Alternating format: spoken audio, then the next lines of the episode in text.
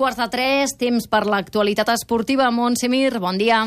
Bon dia. El Barça acaba el 2018. Aquesta tarda al Camp Nou contra el Celtic. L'Espanyol ho farà al camp de l'Atlètic de Madrid. Els blaugranes posen punt final a l'any de la mateixa manera que el van començar com a líders de la Lliga i amb la voluntat de mantenir la diferència amb el Sevilla i l'Atlètic de Madrid. L'Espanyol, per la seva banda, vol acabar avui amb la mala ratxa de cinc derrotes seguides a la Lliga al camp dels matalassers. De seguida us expliquem l'última hora dels dos equips. També analitzarem l'empat del Girona contra el Getafe i la nova ensopegada del Nàstic a segona.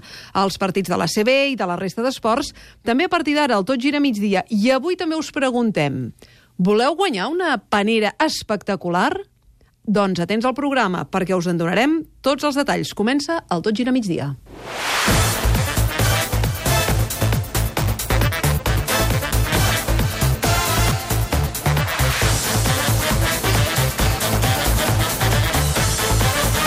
Tot gira migdia, amb Montse Mir. Una actualitat esportiva que comencem parlant de l'Espanyol i també del Barça.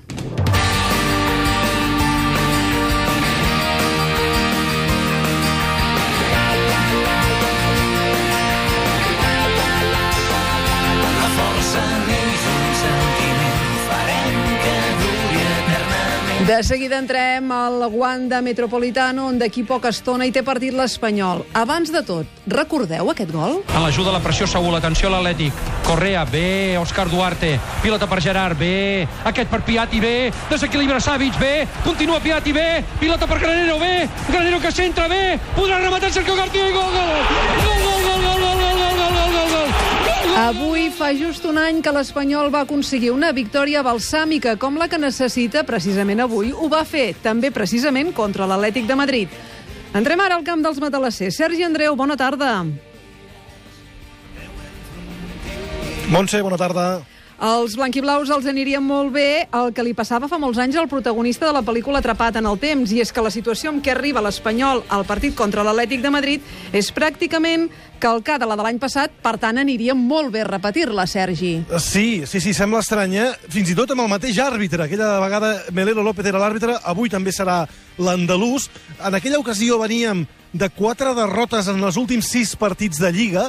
Aquesta vegada són cinc derrotes consecutives i aquella vegada era casa, això sí, avui és al Wanda, eh, on es necessitaria trencar ja d'una vegada per totes aquesta ratxa nefasta de derrotes, cinc consecutives. Recordem-ho, Déu no vulgui, que si s'aconsegueix, o vaja, si es pateix la sisena consecutiva avui al Wanda, s'igualaria la pitjor ratxa històrica de tota, de, tot, de l'Espanyol, de tota la història de la Lliga amb participació de la- l'Espanyol. Per tant, avui ja conjura el vestidor tots els jugadors amb la l'ambició eh, al màxim i la il·lusió de poder treure com a mínim un empat d'un estadi eh, que no els és eh, desfavorable, perquè de fet aquí el Wanda Metropolitano ja s'hi va guanyar el mes de maig de l'any passat 0 a 2 quan no hi havia encara guanyat ningú.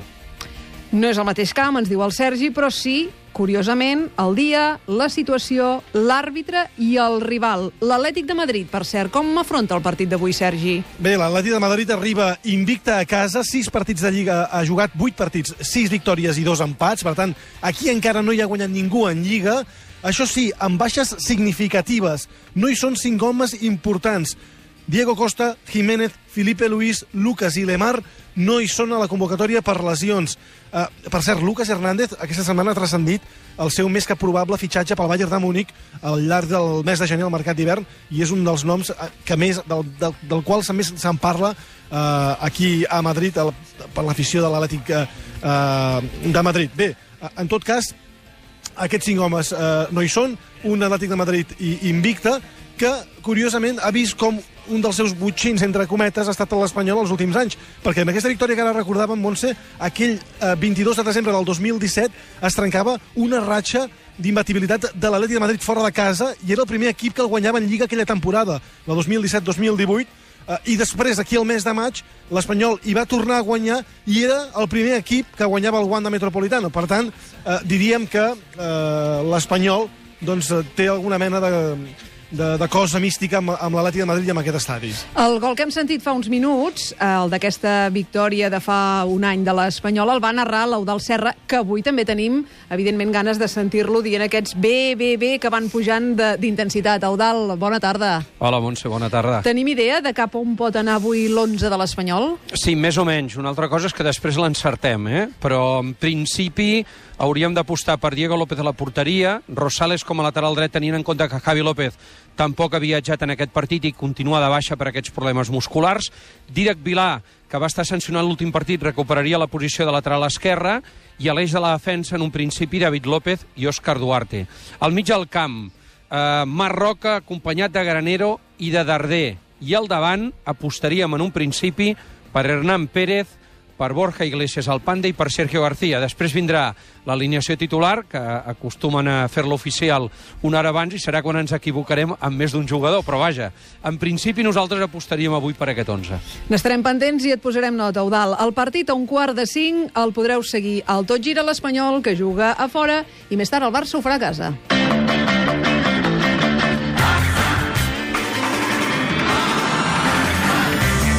A partir de dos quarts de set, Barça-Celta, al Camp Nou. Roger Bosà, bona tarda. Què tal, Montse? Bona tarda. Un objectiu ben clar, un objectiu del qual n'és molt conscient el tècnic del Barça, Ernesto Valverde. Fonamental per l'equip acabar bé l'any, sobretot per reformar el lideratge a la Lliga. Sí, del partit d'avui en dependrà d'una banda acomiadar l'any confirmant les bones sensacions dels últims partits, però també de l'altre dia 10 aquest 2018 sent líder o fins i tot encara més líder. El Barça que ha guanyat en les tres últimes jornades. A més, no ha encaixat cap gol en cap d'ells. Per tant, les sensacions han millorat, les sensacions són bones i per tot plegat és un partit important per Valverde, per tot això que ara dèiem, per tancar bé l'any i també per marxar de vacances amb tranquil·litat. Importante el partido porque cerramos el año, porque queremos mantener nuestra ventaja por lo menos con nuestros rivales y bueno, porque bueno, queremos brindar sobre todo este fin de, de año a nuestra, a nuestra afición, marchándonos como líderes unos días de vacaciones y,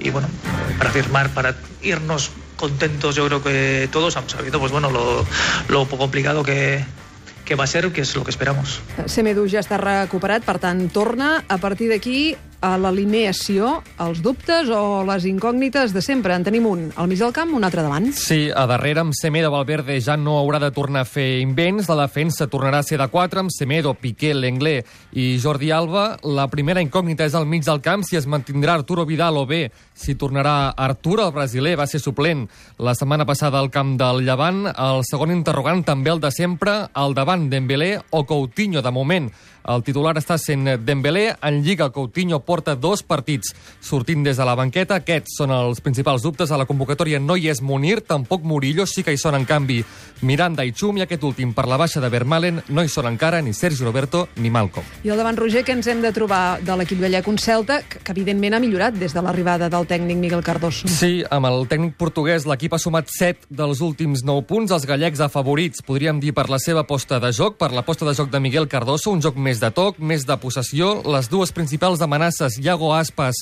i Maxi Gómez, sobretot, entre els dos han fet 18 gols. Un Celta amb una baixa és la de David Junca, que està sancionat. Catalunya El Nissan Qashqai va ser el primer crossover de la història. Serà cert que el temps posa cadascú al seu lloc? Descobreix abans que ningú el seu nou disseny, els seus acabats interiors i les tecnologies Intelligent Mobility. Nou Nissan Qashqai, sempre el primer. Nissan Innovation that excites. Romauto Group Concessionaris. Pere Quart 357 i carrer Ciutat d'Assumpción 4951. Centre Comercial La Maquinista. El llibre de la Marató. Autèntiques històries de vida per boca dels seus protagonistes. El llibre de la Marató. A la venda en llibreries i a la botiga de TV3. El 30 de desembre de 1978, Regió 7 sortia al carrer per primera vegada. Recordes com era el món fa 40 anys? Quins eren els titulars del moment? Com vivíem? Aquest 30 de desembre reviurem aquell primer dia reeditant el primer exemplar de Regió 7 i recordarem aquells temps de canvis amb el suplement el dia que va néixer Regió 7. Tot gratuït amb el diari. Regió 7. 40 anys al teu costat. Setmanari La República. Aquest cap de setmana als quioscos. Dissabte per 2 euros i diumenge per 2 euros i mig amb el punt avui. lrp.cat. El 26 de mayo es día de elecciones. Si resides en España y eres de algún país con acuerdo de reciprocidad, puedes votar en las elecciones locales. Si eres ciudadano de la Unión Europea, además puedes votar en las elecciones al Parlamento Europeo. Para ello debes figurar en el padrón municipal y manifestar tu voluntad de votar. Consulta en tu ayuntamiento y sigue las instrucciones enviadas por la Oficina del Censo Electoral. Encontrarás toda la información en el 901 101 900. Ministerio del Interior. Gobierno de España. Tot gira a migdia, amb Montse Mir.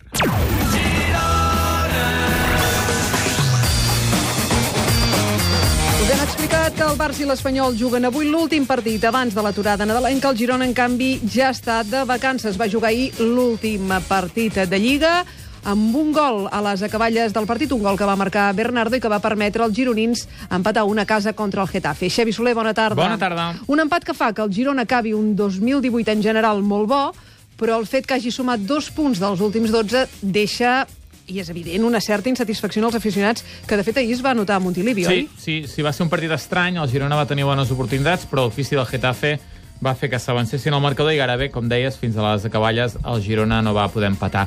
Enmig, trams de joc gris de l'equip d'Eusebio i trams d'inquietud també per part dels 8.500 aficionats que hi eren a Montilivi, amb xiulets, com quan Eusebio va fer un doble canvi. S'asseu Porro, entra Valeri i veurem per qui entra el Choco Lozano. El Choco Lozano Ara mateix espera't que vegi el dorsal per Aleix. Ho sentíem de fons, ho sentim de fons, aquest rum-rum del públic, els canvis d'Eusebio, alguns jugadors que no agraden a part del públic, com és el cas del Choco Lozano, molt evident ahir, i la imatge un cop acabat el partit, la de l'Àlex Granell, el capità, marxant a vestidors, amb cara d'enfadat, fent que no amb el cap, després de la zona mixta, vam saber el per què. A mi m'estranya molt, a mi jo no, no ho puc entendre. Uh, entenc que al final l'aficionat és lliure d'opinar, uh, per això ve l'estadi, per, per, per, per dir el que vol, però al meu entendre um, m'estranya que no sigui una festa i que i no, no puc entendre que la reacció sigui negativa. Després d'un gol del rival, la, la gent, el que, al meu entendre, uh, el que ha de reaccionar és en positiu per, per esperonar l'equip. Sigui com sigui, el club acaba l'any amb 22 punts, només un menys del que tenia la temporada passada. Depenent de com acaba la jornada, tindrà el descens a 7 punts en el millor dels casos o a 4 en el pitjor, i la zona europea a 3 punts. Però s'endú deures d'hivern, un molt clar, reforçar la plantilla. Bueno, vamos a aprovechar este tiempo de descanso y la posibilidad que tenemos eh, que nos ofrece el mercado de poder eh, hacer incorporaciones, de analizar y bueno, estamos en ello, ¿no? Estamos mirando y estamos buscando posibilidades que mejoren lo que tenemos. Ja ho deia Eusebio, amb les lesions de llarga durada de Mojica i Adai, el fitxatge d'un carriler és imminent, depenent de l'economia del club, podria arribar a una segona incorporació. El Girona, que ja fa vacances, a aquesta hora s'està jugant un partit de Lliga, falten dos, 12 minuts eh, per al final, el Betis i l'Eibar empaten a un al camp dels andalusos. Avui es completarà la jornada a partir de tres quarts de nou amb l'Atlètic de Bilbao-Valladolid i ahir, a més d'aquest Girona, un Getafe, un també es va jugar al Real Societat 0 a l'Aves 1. També avui es jugarà la final del Mundial de Clubs en què el Madrid buscarà el tercer títol seguit a la competició. Albert Benet, bona tarda. Bona tarda. Ho farà amb l'etiqueta de favorit, bàsicament com sempre, i contra un rival inesperat.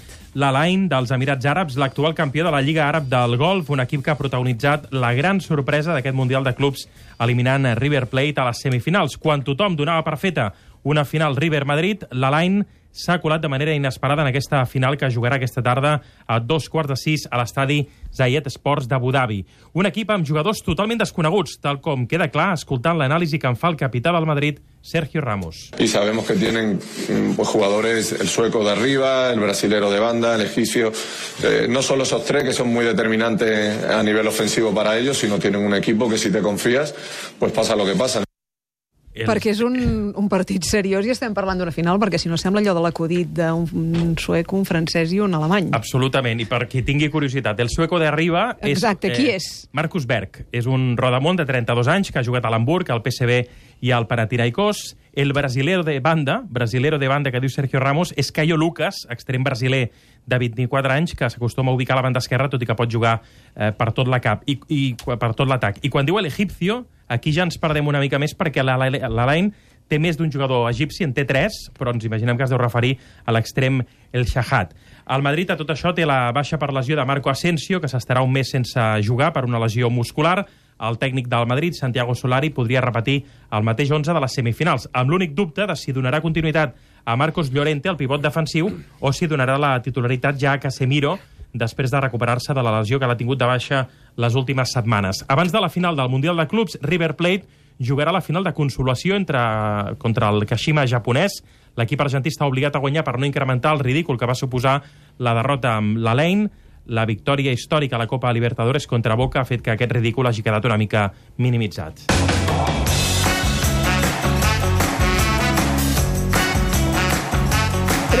Quarts de tres, us ho hem advertit al començament del programa. Tenim una panera fantàstica que pot ser per algun de vosaltres i que per aquests dies us pot anar molt bé. David Clopés, bona tarda. Com estem, Montse? Bona tarda. Una panera que ja he vist a les xarxes del programa a tot gira, sobretot Instagram, també Mhm. l'he vist al Twitter, i que està molt i molt, molt bé, no exagero, i que, a més a més, la poden aconseguir, de fet, la podem aconseguir tots els oients del Tot Gira, però alguns, doncs, com jo, per exemple, doncs, eh, diguem-ne que no estem cridats per al camí de l'habilitat en un aspecte que és absolutament necessari per poder-hi optar. I tant. Uh, se l'ha de currar, la nostra audiència. A veure, una panera que sí, ara ho deia la Montse, eh, si l'heu vist a través de les nostres xarxes, és simplement bestial. Uh, us recomano que entreu al nostre web, catradio.cat barra tot gira, on trobareu totes les instruccions de com poder guanyar aquesta panera.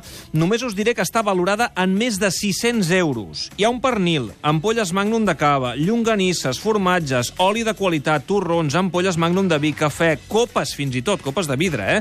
Uh, I de qualitat. Podríeu passar dos Nadals amb aquesta superpanera, us ho ben asseguro. Nadal i Sant Esteve.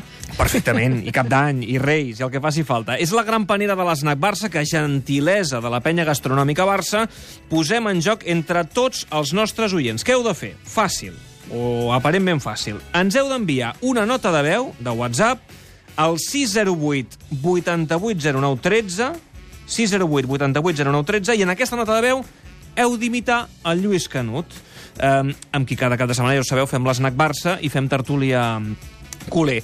No cal complicar-se molt la vida, amb allò amb un efectivament, o ho, amb fas, un... ho fas bé, tu? No, jo ho intento. Jo no m'atreveixo. Dono una mica el to, però no seria el millor, eh? O bona nit, basquet maniàtics. Amb això en tindríem prou, eh? Nota de veu al 608 88 09 13 i simplement fent això ja eh, podreu optar a guanyar aquesta panera. D'entre totes les notes de veu que rebem, en seleccionarem a 20, 20 oients que diumenge 30 de desembre, és a dir, diumenge de la setmana que ve, podran venir en directe a l'Snac Barça i fer tertúlia culer amb el Canut i un servidor. I, a més a més, participar a la gran rifa que farem in situ d'aquesta panera. Per aquells que dieu, home, però jo no sé on és aquest bar misteriós, l'Snac Barça, no patiu, que ens posarem en contacte amb vosaltres i us donarem l'adreça per arribar-hi.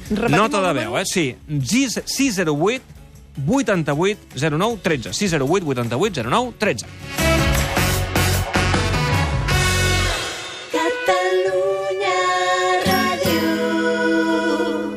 Aquest cap de setmana, el Tot Gira Arriba el primer plat fort d'aquest Nadal.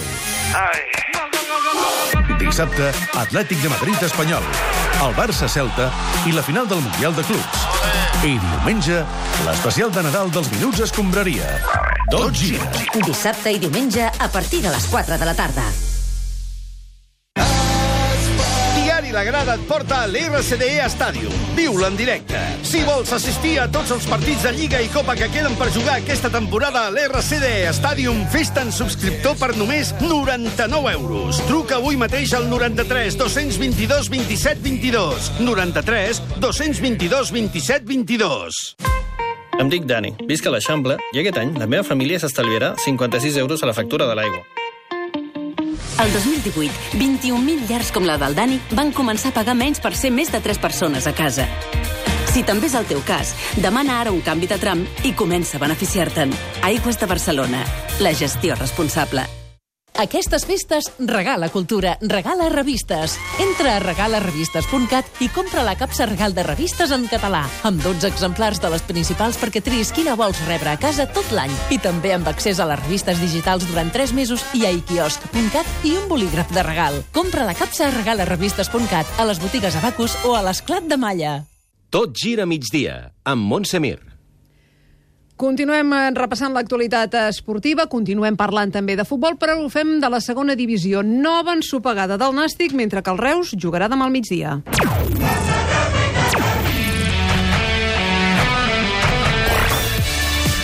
Mallorca 2, Nàstic 0 a Son Moix. És una derrota que enfonsa més els granes a la cua de la classificació. Xavi Palau, bona tarda. Què tal, Montse? Bona és tarda. un any complicadíssim per l'equip de Tarragona. I un 2018 que s'acaba amb males sensacions pels granacuers de la Lliga, ara 4 punts de la permanència, diferència, però, que pot ser més àmplia segons els marcadors al final d'aquesta jornada i sobretot pel partit d'ahir a Son Moix, amb derrota clara davant el Mallorca. Un Nàstic molt poc ofensiu, previsible i que va concedir el control del partit als de Vicente Moreno, el tècnic local i vell conegut a Tarragona. L'equatorià Estupinyan, abans del descans, i Stoichkov, a la recta final del partit, van sentenciar un partit còmode pel Mallorca, que se situa en zona de playoff amb 30 punts. Una realitat ben diferent és la que passa a Tarragona, preocupació que s'agreuja cada dia que passa i el club buscarà revulsius al mercat d'hivern. Ahir a Mallorca, després del partit, Quique Martín va demanar clarament reforços. Realmente el equipo en este partido también ha estado, ha estado, ha estado ahí, pero nos falta, nos falta un empujón para, para, para poder hacer más cosas, ¿no? Y espero que en este inicio de año pues pueda haber incorporaciones que nos den que nos den una o dos o tres marxes més, no? De moment, qui ja ha arribat a Tarragona és el migcampista senegalès Ousseinou Tiouné, crec que ho he dit més o menys bé, procedent del Itihad Tanger del Marroc, on ha jugat les últimes tres temporades. Arriba al Nàstic a cos 0 i es, ha fet, uh, es farà aquest acord per aquesta temporada i opcionalment per les dues següents. El jugador es va incorporar dimarts als entrenaments i les pròximes setmanes el club farà oficial la seva incorporació. Hem dit que el Nàstic ha tingut un any difícil, complicat. El del Reus, déu nhi també, perquè, mentrestant, a banda que ha de jugar demà, es manté també la incertesa al voltant del futur de l'entitat. Demà és l'últim partit, això sí que ja ho podem assegurar, que veurà des de la llotja el president Xavier Llastarri. Serà el Reus Osasuna a les 12 del migdia al municipal de la capital del Baix Camp, enmig d'una setmana, com deies, Montse, un cop més complicada, convulsa i sense que s'hagi tancat encara la venda del club. A més, serà la Déu després d'11 anys de president de Xavier Llastarri, que marxa fart de les reaccions de la gent cap a la seva persona, amb jugadors que encara no han cobrat i amb d'altres, com el cas de Tito Ortiz, que es va acomiadar aquesta setmana, un cop va rescindir el contracte amb el club roig i negre. Pel bé de Reus espero que sigui veritat i que hi hagi un inversor, però els fets no demostren això. Ens sentim enganyats. Dissabte es va fer públic un comunicat on es deia que anàvem a cobrar tots els jugadors. Som dijous i han cobrat 11 només. Per tant, són masses mentides contínuament i, clar, la plantilla està tipa ja. Tito era un dels jugadors afectats pel límit salarial i que el club no va poder inscriure al principi de temporada. Enmig d'aquest ambient, demà, últim partit de l'any pel Reus, que ara és en zona de descens en 17 punts, els mateixos que l'Extremadura, que marca la salvació.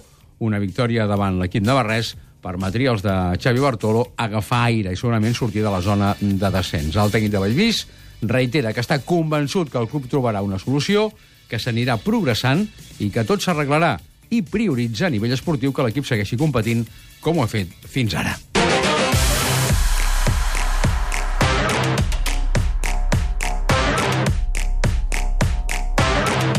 Recte final ja del tot gira a migdia. En bàsquet avui torna a jugar al Barça. De fet, la sensació, vaja, la meva sobretot, és que l'equip blaugrana juga dia sí, un altre també, perquè ha tingut un desembre intensíssim. Ernest Macià, bona tarda. Cada cop s'assembla més a la NBA, això. Bona tarda. És que avui toca partit de la Sí, CB sí, a la pista del Guipúscoa i és aquest, el quart de la setmana, una barbaritat. Mm. És un partit que, que els blaugrana, per cert, afronten com a líders. Sí, de fet, eh, líders de l'ACB, l'ACB és ara mateix el bastió del Barça, encara que Europa tampoc és que vagin tan malament les coses com l'any passat, però a l'ACB, objectivament, són líders. Uh, a més a més, aquest pot ser el cap de setmana en què el Barça es classifiqui per la Copa. Han de guanyar el seu partit els homes de Pessic, però compte, perquè han d'esperar tres resultats més, que el Saragossa perdi a casa amb el Gran Canària, que el Joventut perdi a casa amb el Tenerife i que l'Ucamp perdi a la pista del Madrid. Per tant, mm, diguem-ne que no és fàcil.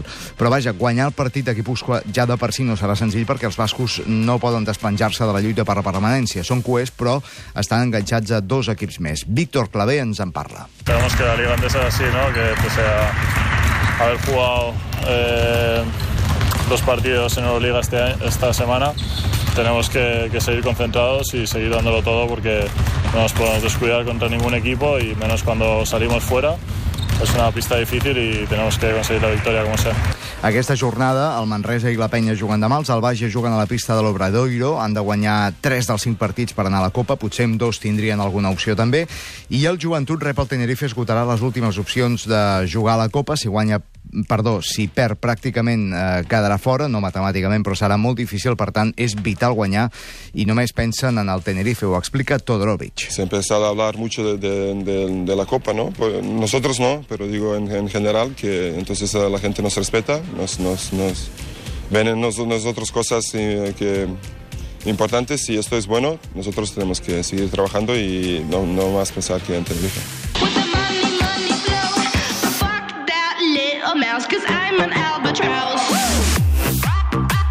I a aquesta hora també volem fer un cop d'ull a la Lliga Femenina d'handbol i és que ahir el CAC 7 Granollers va guanyar per primera vegada la pista del Màlaga. Oriol Rodríguez, bona tarda. Bona tarda. És un triomf que, a més, referma la bona temporada de l'equip i que, tot i que encara s'ha de completar la jornada, el situa líder. És un fet inèdit i demostra que les ballesanes estan fent de moment aquesta gran temporada molt millor de les expectatives que tenien. Ahir es van imposar la pista del Màlaga, que fins ara era també el líder, per un clar 19 a 29, basat sobretot en una gran segona part de les de Robert Cuesta, amb un 8 a 15 de parcial. La jugadora Judit Ballesteros diu que ahir van saber sobrepo- sobreposar-se a tots els elements. que també nosaltres, eh, entre vam sortir superdora per als talls de les carreteres i tal, també tenim tres lesionades i clar, anàvem superpoques i va sortir bé. Bones sensacions, ens va, ens va sortir tot, vam fer un bon partit i les vam saber ensorrar. Amb aquesta victòria, ara els objectius de l'equip, segons Ballesteros, han canviat. Molt contentes, estem molt feliços d'ahir, bona victòria, important. La, a veure, a principi de temporada guanyar el màxim possible i ara ens estem plantejant inclús anar a la, a la Champions. Tot i que aquest primer lloc és circumstancial, perquè, com deies, encara hi ha cinc equips amb un punt menys que el Granollers i tots han de jugar avui. Les ballesanes tancaran l'any la setmana que ve a casa contra el Morvedre, un rival de la Bar Baixa, amb l'objectiu d'aconseguir una nova victòria. També avui a l'hoquei Lliga Masculina un autèntic plat fort, un dels partits que sempre són garantia d'espectacle i ambient.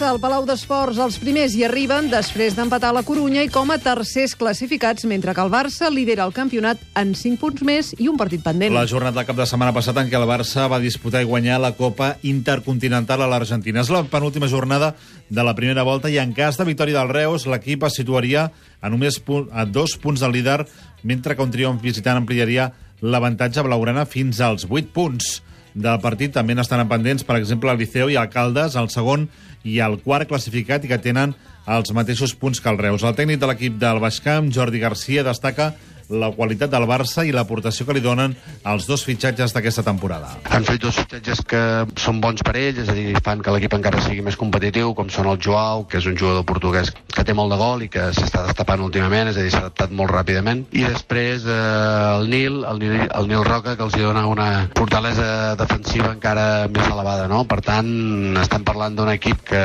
si li sumem aquests dos components ja és terrible de per si.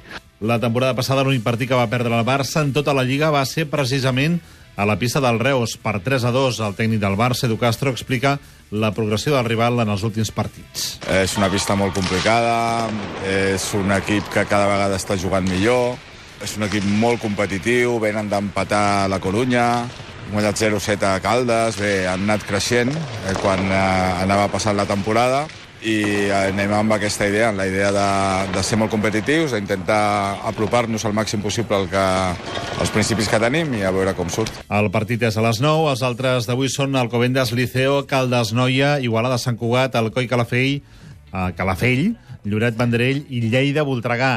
D'altra banda, demà es farà l'habitual festa solidària Nadal sobre rodes, es farà a Mataró, amb, entre d'altres, els partits de les seleccions catalanes masculina i femenina contra els de Xile. I encara hi afegeixo un altre punt d'hoquei patins, i és que Alejandro Domínguez compaginarà el càrrec de seleccionador espanyol masculí amb el de tècnic del Benfica fins que s'hagin disputat els World Roller Games de Barcelona l'estiu que ve. A l'equip portuguès, Domínguez relleva Pedro Nunes. El Benfica ha anunciat aquesta mateixa setmana la rescisió del contracte de Nunes. Ara falta menys d'un minut pel punt de les 3 de la tarda.